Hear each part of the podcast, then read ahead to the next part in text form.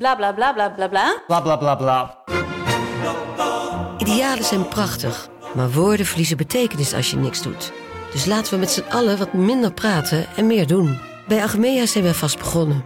Zo gaan wij voor minder verkeersslachtoffers, gezonde werknemers en duurzame woningen. Waar ga jij voor? Kijk op www.werkenbijagmea.nl Maak je ook een transfer naar VI Pro? Ga naar vi.nl slash zsmpro voor onze scherpste deal.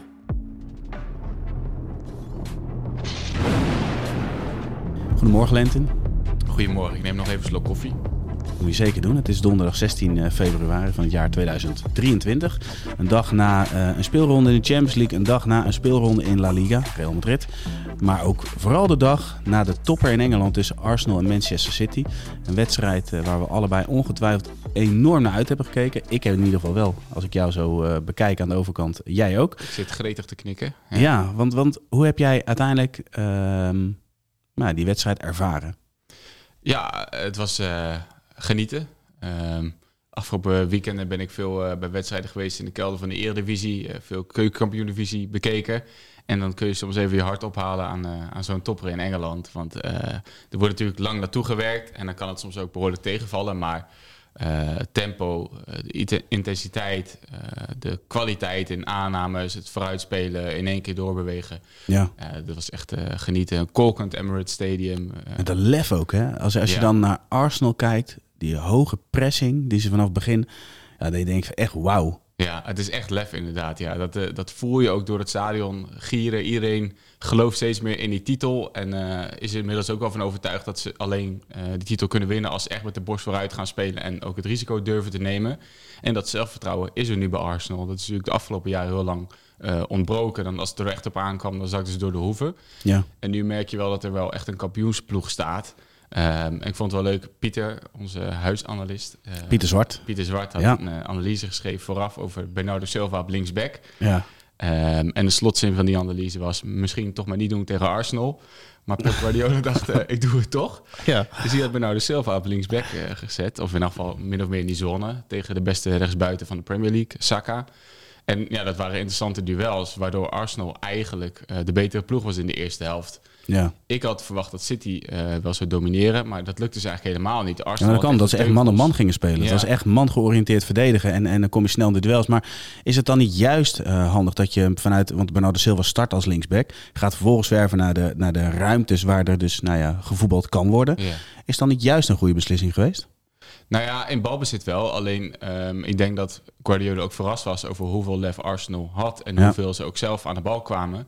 En daardoor kwam City in de problemen, want verdedigend is Bernardo Silva niet de beste linksback ter wereld. Nee. Uh, en ja, dat bleek op een aantal momenten. En ja, omdat hij niet helemaal lekker in positie stond, kwamen er ook weer andere spelers vrij. Dus ik heb echt genoten van Arsenal. Ja. Ondanks dat die penalty misschien een beetje discutabel was. En in de tweede helft uh, dacht Guardiola, ik ga wat briljants doen. Ik ga Bernardo Silva op zijn beste positie neerzetten, op rechtsbuiten. Ja. En toen ging het lopen. Ja, jij volgt Pieter ook op social media, toch? Ja, ja. En eh, som, sommige mensen volgen je op social media vanwege de, weet ik veel, kleurrijke vakantiefoto's of eh, gekke uitspatting in het weekend. Maar Piet is natuurlijk ja, allemaal voetbal, voetbal, voetbal. En hij had, Ja. een, had een mooie afbeelding. En dan zag je eigenlijk het, de werking van het brein eh, op het moment dat Bernardo Silva bijvoorbeeld linksback staat of rechtsbuiten staat. Wat het dan doet in je bovenkamer. Nou, als linksback werd het volledig rood. Dus, dus nou ja, een soort chaos. Dat vond ik zo echt zo'n mooie post. ja. Maar het zegt wel alles, want het is natuurlijk, ja, het, het is nog, het nog steeds krankzinnig. Bernardo Silva was linksback en de tweede helft, nou ja, we laten hem toch maar op zijn beste positie ge- eh, gebruiken, eh rechtsbuiten. Tenminste, dat vind jij zijn beste positie? Ja, zeker, zeker. Ja, het is wel grappig, want hij is eigenlijk, denk ik, hoort misschien wel bij de vijf beste spelmakers ter wereld. En er is eigenlijk maar één trainer die hem dan linksback kan neerzetten. En Dat is Pep Guardiola. Misschien ook wel de enige trainer van wie het geaccepteerd wordt. Ja, dat denk ik ook wel. Ja. Net als, eh, volgens mij was dat Mourinho ooit bij Eto'o, die hem ook eh, een soort Oh ja. hand eh, aan de zijkant zette. Ja, want Benitez kreeg het niet voor elkaar. nee. Dus je moet wel dat, eh, dat respect hebben als trainer. Ja. Ehm, maar tweede helft eh, schakelde City een tandje bij met eh Bernardo dus aan die rechterkant. En ja, waren ze zo sterk, zoveel mooie uitgespeelde aanvallen. En ja, waren ze gewoon duidelijk de betere partij. En nu, nu staan ze weer gelijk hè, bovenaan. Ja, maar heeft Arsenal wel een wedstrijd te goed. Ja, maar Ja. goed, het is op drie punten afstand van elkaar. Dus het is echt weer helemaal nou ja, praktisch in evenwicht. Dus het maakt Ja. de titelrace wel spannender. En er is nog één iemand die er maar vijf puntjes achter staat. En die heeft denk ik ook wel tevreden zitten kijken. Dat denk ik ook, ja. Maar dat is sowieso, het is spannend in Engeland. Ik ben alleen wel even nieuwsgierig, nee, want we moeten ook eh, Champions League gaan behandelen. Ehm, ik hoop stiekem op Arsenal. Nee, niet stiekem. Ik hoop op Arsenal, omdat dat de manier van spelen en de ontwikkeling die ze hebben doorgemaakt onder Arteta, eh, dat je denkt, ja, dat, dat, dat gun je ze gewoon. Alleen, ik kan me niet voorstellen dat dat gaat gebeuren. Want, want City is uiteindelijk toch wel zo ontzettend goed, Ja. dat Ja. dat eigenlijk niet kan. Nee, en eh, ze hebben ook de opties vanaf de bank om een wedstrijd te veranderen, om, om blessures op te vangen. Dat is natuurlijk een luxe die Arsenal wel wat minder heeft. Ja, Dus ik denk ook dat City wel kampioen is. Alleen ze moeten wel eh, voor de zekerheid met 50 punten voorsprong eh, kampioen worden natuurlijk. Want die financiële straf hangt ze wel nog boven het hoofd. ja. Dus het zou heel pijnlijk zijn als ze nou kampioen worden en alsnog die sanctie krijgen met puntenaftrek of een andere vorm. Dus daar moet je wel een beetje, een beetje voor oppassen. Maar ik denk dat City ook wel eh, favoriet is. Ja, jij noemde net, eh, er is één trainer die daar eh, ehm, nou ja, naar heeft zitten kijken. Die denkt van nou, dit kan wel eens interessant worden. Dat is natuurlijk Erik ten Hag. Die volgt op, op vijf punten. Speelt vanavond tegen Barcelona. Maar ehm, kijk, ik vind bij Manchester United, als ze Champions League voetbal halen met, met waar ze vandaan komen, is dat al een wereldprestatie. Maar zal hij stiekem niet hopen op meer en misschien wel inzetten op meer? Eh, ik denk wel dat hij daar stiekem over nadenkt, ja. Eh, je zou ook gek zijn als je het niet doet. Eh, het is natuurlijk ook wel een heel raar seizoen met ehm, Chelsea en Liverpool die Ja. dramatisch presteren. Ehm, dus inderdaad zal het doel van tevoren top 4 zijn geweest. En de kwaliteit en de kwantiteit van de selectie van United is wel heel anders, vind ik. Ja, Eh, want je kunt, ja, Weghorst, alle respect voor hem, maar je kunt Weghorst moeilijk vergelijken met Haaland. Ehm, dus daar zit er wel een verschilletje in. Alleen als die bovenste twee telkens punten blijven verspelen, dan kun je natuurlijk wel als lachende derde lang meedoen. En dat zou al ehm, een hele prestatie zijn. En ik denk ook heel goed voor het geloof in en rond die club, dat we misschien volgend jaar voor de titel kunnen gaan spelen. ja. Dus dat is wel leuk vooruitzicht. Maar de Premier League volgend jaar wordt, als je, als je kijkt, Liverpool moet iets gaan doen. En, en ik, ik geloof niet dat dat, laat maar zeggen, weer helemaal terug. Dat, dat gaat gewoon niet gebeuren.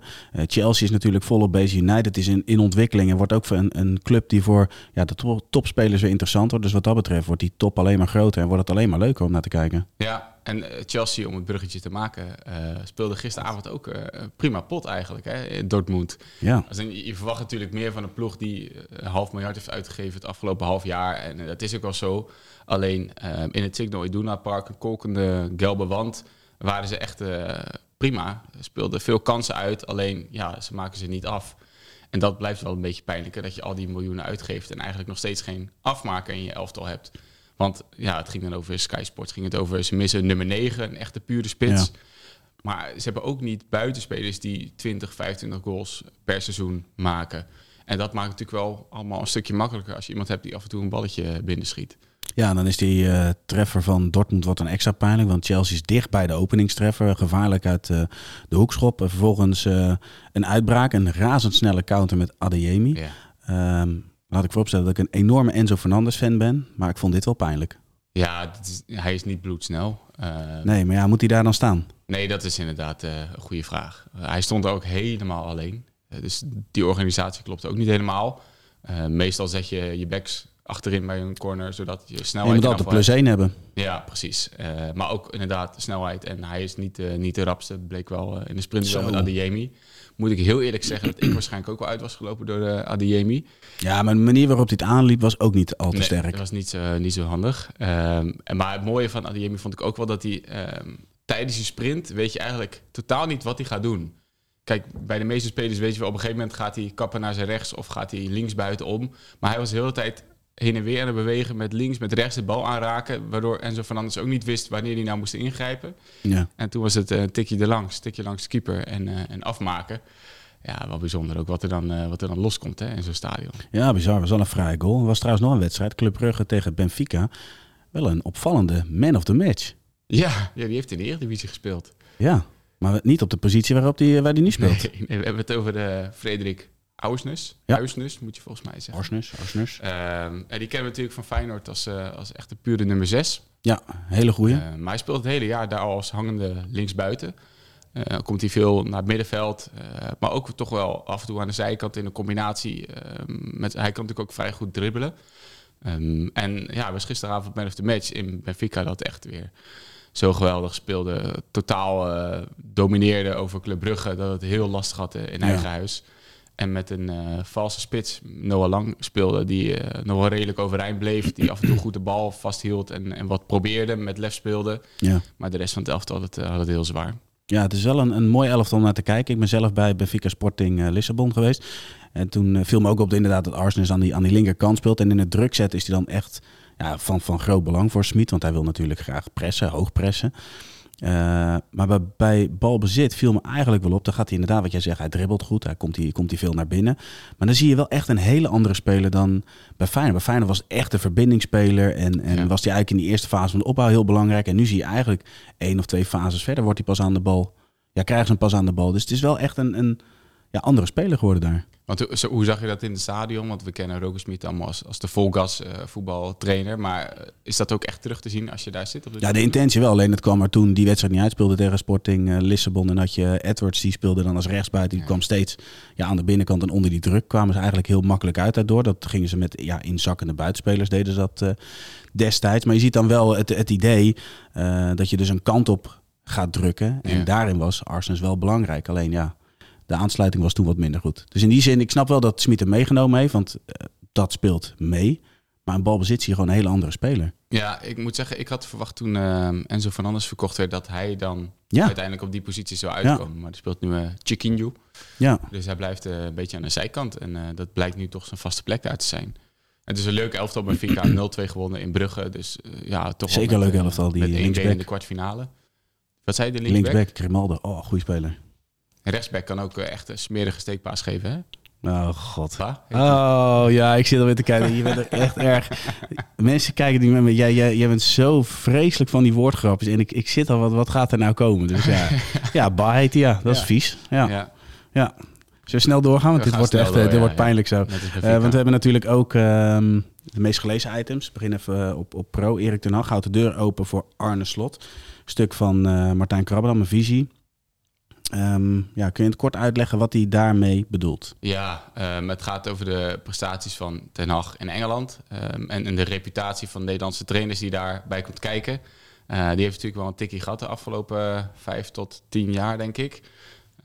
sinds Van Gaal is vertrokken bij United hebben we eigenlijk weinig trainers gehad in absolute top. Koeman heeft natuurlijk bij Barcelona gezeten, maar nou, lastige periode, wat uiteindelijk niet echt als een enorm succes uh, betiteld kan worden. Nee. Um, Frank de Boer heeft natuurlijk uh, ja, wat reputatieschade opgelopen. Nou, Peter Bos is niet overal uh, perfect geslaagd. Dus Nederlandse trainers waren even niet zo heel erg populair. Dat hoor je ook wel veel van buitenlandse journalisten. En nou, de prestaties van Ten Hag, die hebben dat weer een beetje opgevijzeld. En nou, dat merk je nu ook aan Arne Slot, die dan in beeld was bij Leeds United. Dat de Nederlandse trainers misschien ietsje meer in trek komen. Al heeft het natuurlijk ook wel gewoon te maken met uh, goede prestatie van Slot, ook in de Conference League. Uh, als je een Europese finale haalt, dan sta je er Europees goed op. Ja. En, uh, hij past natuurlijk qua type denk ik ook wel erg goed bij Leeds. Maar fijn voor Feyenoord dat hij gebleven is. Ja, klinkt heel positief allemaal. Uh, dan gaan we naar het meest gelezen item op vi.nl. Dat uh, gaat over Frenkie de Jong. Ter Stegen, zijn uh, collega bij Barcelona, is namelijk lyrisch over hem. En die geeft aan, Frenkie moet voor altijd bij Barcelona blijven. Contract voor het leven. Ja. Ja, ja hij was wel goed afgelopen weekend. Frenkie speelde prima pot. Villarreal uit, dus niet de makkelijkste wedstrijd. En uh, ja, eigenlijk alle Spaanse kranten, iedereen was heel complimenteus over hem. Uh, Xavi is al weken heel positief over, uh, over Frenkie. Ook wel omdat hij ehm, naast echt puur zijn spel ook wat meer leiderschap op zich neemt bij eh, Barcelona. Ja. Iets wat ze natuurlijk wel missen sinds Piqué is vertrokken. Busquets is nu een poosje geblesseerd, dus ze waren echt op zoek naar iemand die op het veld, maar ook met zijn karakter, met, met coaching, de leiding zou nemen. En dat neemt hij toch steeds meer op zich. Dat moet ook een beetje natuurlijk komen eh, na een aantal jaar natuurlijk. Ja. En ehm, nou ja, hij wordt daar nu echt voor geloofd. Ook in de kleedkamer wat meer uh, een dominante rol speelt. En dat is wel, wel leuk om te volgen. Want het is, hij heeft best een pittige periode natuurlijk achter zich. Met een ingewikkelde zomer. En nu lijkt het toch allemaal een beetje op zijn plaats te vallen. Hij heeft steeds met Verlarden heeft hij echt wel laten zien dat hij, dat hij ja, nog steeds heel goed kan voetballen. Dat, dat is ja, even gek gezegd, dat, dat weten we allemaal. Dat weet echt iedereen. Ja. Um, maar wat tegen Villarreal wel weer mooi is om te zien, dat je eigenlijk weer wat, wat kenmerken van zijn spel, de, de, de rushes, de dribbles, uh, het, het lef, het uitstellen van passes. Je ziet wel een beetje, ja, gewoon echt structureel de oude Frenkie terug. Ja, en op de een of andere manier wordt, worden die rushes hem ook meer vergeven of gegund. Want dat stond ook in uh, Spaanse kranten. Vond ik wel een mooie passage van... Uh, nee, nog steeds raakt hij de bal niet één keer. Want dat is eigenlijk wat iedereen wil. Tiki-taka, in één keer doorspelen, daar is Busquets natuurlijk een, een, meester in. En als je op de plek van Busquets gaat staan, dan wil eigenlijk iedereen dat je dat ook gaat doen. Maar dat zal Frankie nooit doen. Dat is waarom hij ooit zo goed is geworden. Dat is waarom hij in de jeugd af en toe uh, een beetje worstelingen had met jeugdtrainers. Ja. Dat hij altijd doet waar hij zelf goed in is. En op de een of andere manier, nu, nu de omstandigheden anders zijn, wordt het, hem, wordt het wel van hem geaccepteerd. En uh, wordt hij er juist om geroemd. En ja, het blijft mooi om naar te kijken, die rushes. En zijn verdedigende werk is natuurlijk ook wel heel belangrijk. Want uh, hij pakt veel ballen af, hij onderschept vooral heel veel ballen. En Ja. daarmee is hij wel uh, heel belangrijk voor Barça. Eens. Vanavond spelen ze tegen Manchester United. Sowieso een mooie avond voor de Ik boeg. denk uh, beste, mooiste Europa League affiche in jaren. Nou ja, zeker ja. Dus normaal gesproken... Barcelona, Man United. Ja, heel veel mooier wordt het eigenlijk niet, toch? Nee, nee, zeker niet. En dan hebben we ook nog de Nederlandse clubs die uh, spelen. Dus Ja. sowieso een heerlijke avond met voetbal. Ja, Pieter het is Zwart zal wel druk eh, zijn. Ja, Pieter Zwart die, Die analyseert zich in ongeluk. denk ik ook, ja. Ja. Dat echt zo'n stoom uit zijn laptop uh, gaat komen Ja. Maar uh, nee, ook wel heel interessante wedstrijden van de Nederlandse ploegen. Want uh, Ajax tegen Union Berlin ben ik heel benieuwd naar. Zo, ik ook ja. Het heeft eigenlijk al, alle ingrediënten om een extreem frustrerende avond voor, voor Ajax te worden, denk ik. Ja, maar de oplossing is simpel. Hè? Bessie opstellen volgens Pieter. En dan uh, komt het in orde. Ja. Dat was de conclusie eigenlijk, in het kort. Nou ja, ik denk wel dat, dat hij een belangrijke rol kan spelen. Ook omdat zij heel veel diepte zoeken en Ja. Alvarez niet, niet de rapste is. Dus ik snap wel dat je dan iemand met snelheid achterin nodig hebt. Maar ja, Union Berlin vindt het prima als Ajax 85 minuten de bal heeft. Te gaan lekker op de counter spelen, gok op de spelervattingen. En dan kan het heel frustrerend worden. Het kan een soort Ajax Getafe worden van, uh, van een paar jaar geleden. Oh ja. Ja, uh, maar goed, als Ajax uh, genoeg levert, hebben ze in principe meer individuele kwaliteiten dan Union Berlin, denk ik. Ja. Um, dus het wordt een heel mooie test, denk ik. Ook voor Heitinga, die um, de wedstrijd naar zijn hand kan zetten. Wat ik tot nu toe heel erg goed vind bij hem, is dat hij goed kan ingrijpen in een wedstrijd. Dus hij ziet dan wat er misgaat en dan kan hij met een wissel of met een omzetting dat repareren. Wat hij bij RKC deed door Taats en Bobby naast elkaar in de spits te zetten. Ja, of, of Kudus naar het middenveld te halen, Ja. dat soort dingen. Uh, dus ik ben benieuwd of hij dat nu ook uh, tegen Union kan doen als het uh, niet loopt. En PSV Sevilla. Of Sevilla PSV is natuurlijk ook wel Oh. een mooie pot. Ook een lekker potje hoor. Geweldig stadion. Ik weet niet of het uh, vol zit voor, uh, voor dit soort wedstrijden. Maar uh, Sevilla heeft natuurlijk nogal een reputatie in de Europa League. Dus dat zullen ze niet als, uh, als een B-toernooi zien. Uh, dus ik ben wel heel erg benieuwd hoe, hoe PSV zich daar gaat laten zien. Ja, het belooft alles bij elkaar een hele mooie avond te worden. Lentin, bedankt voor jouw bijdrage in deze VZSM. En zoals onze collega Matthijs vaker zegt, tot ZSM. ZSM.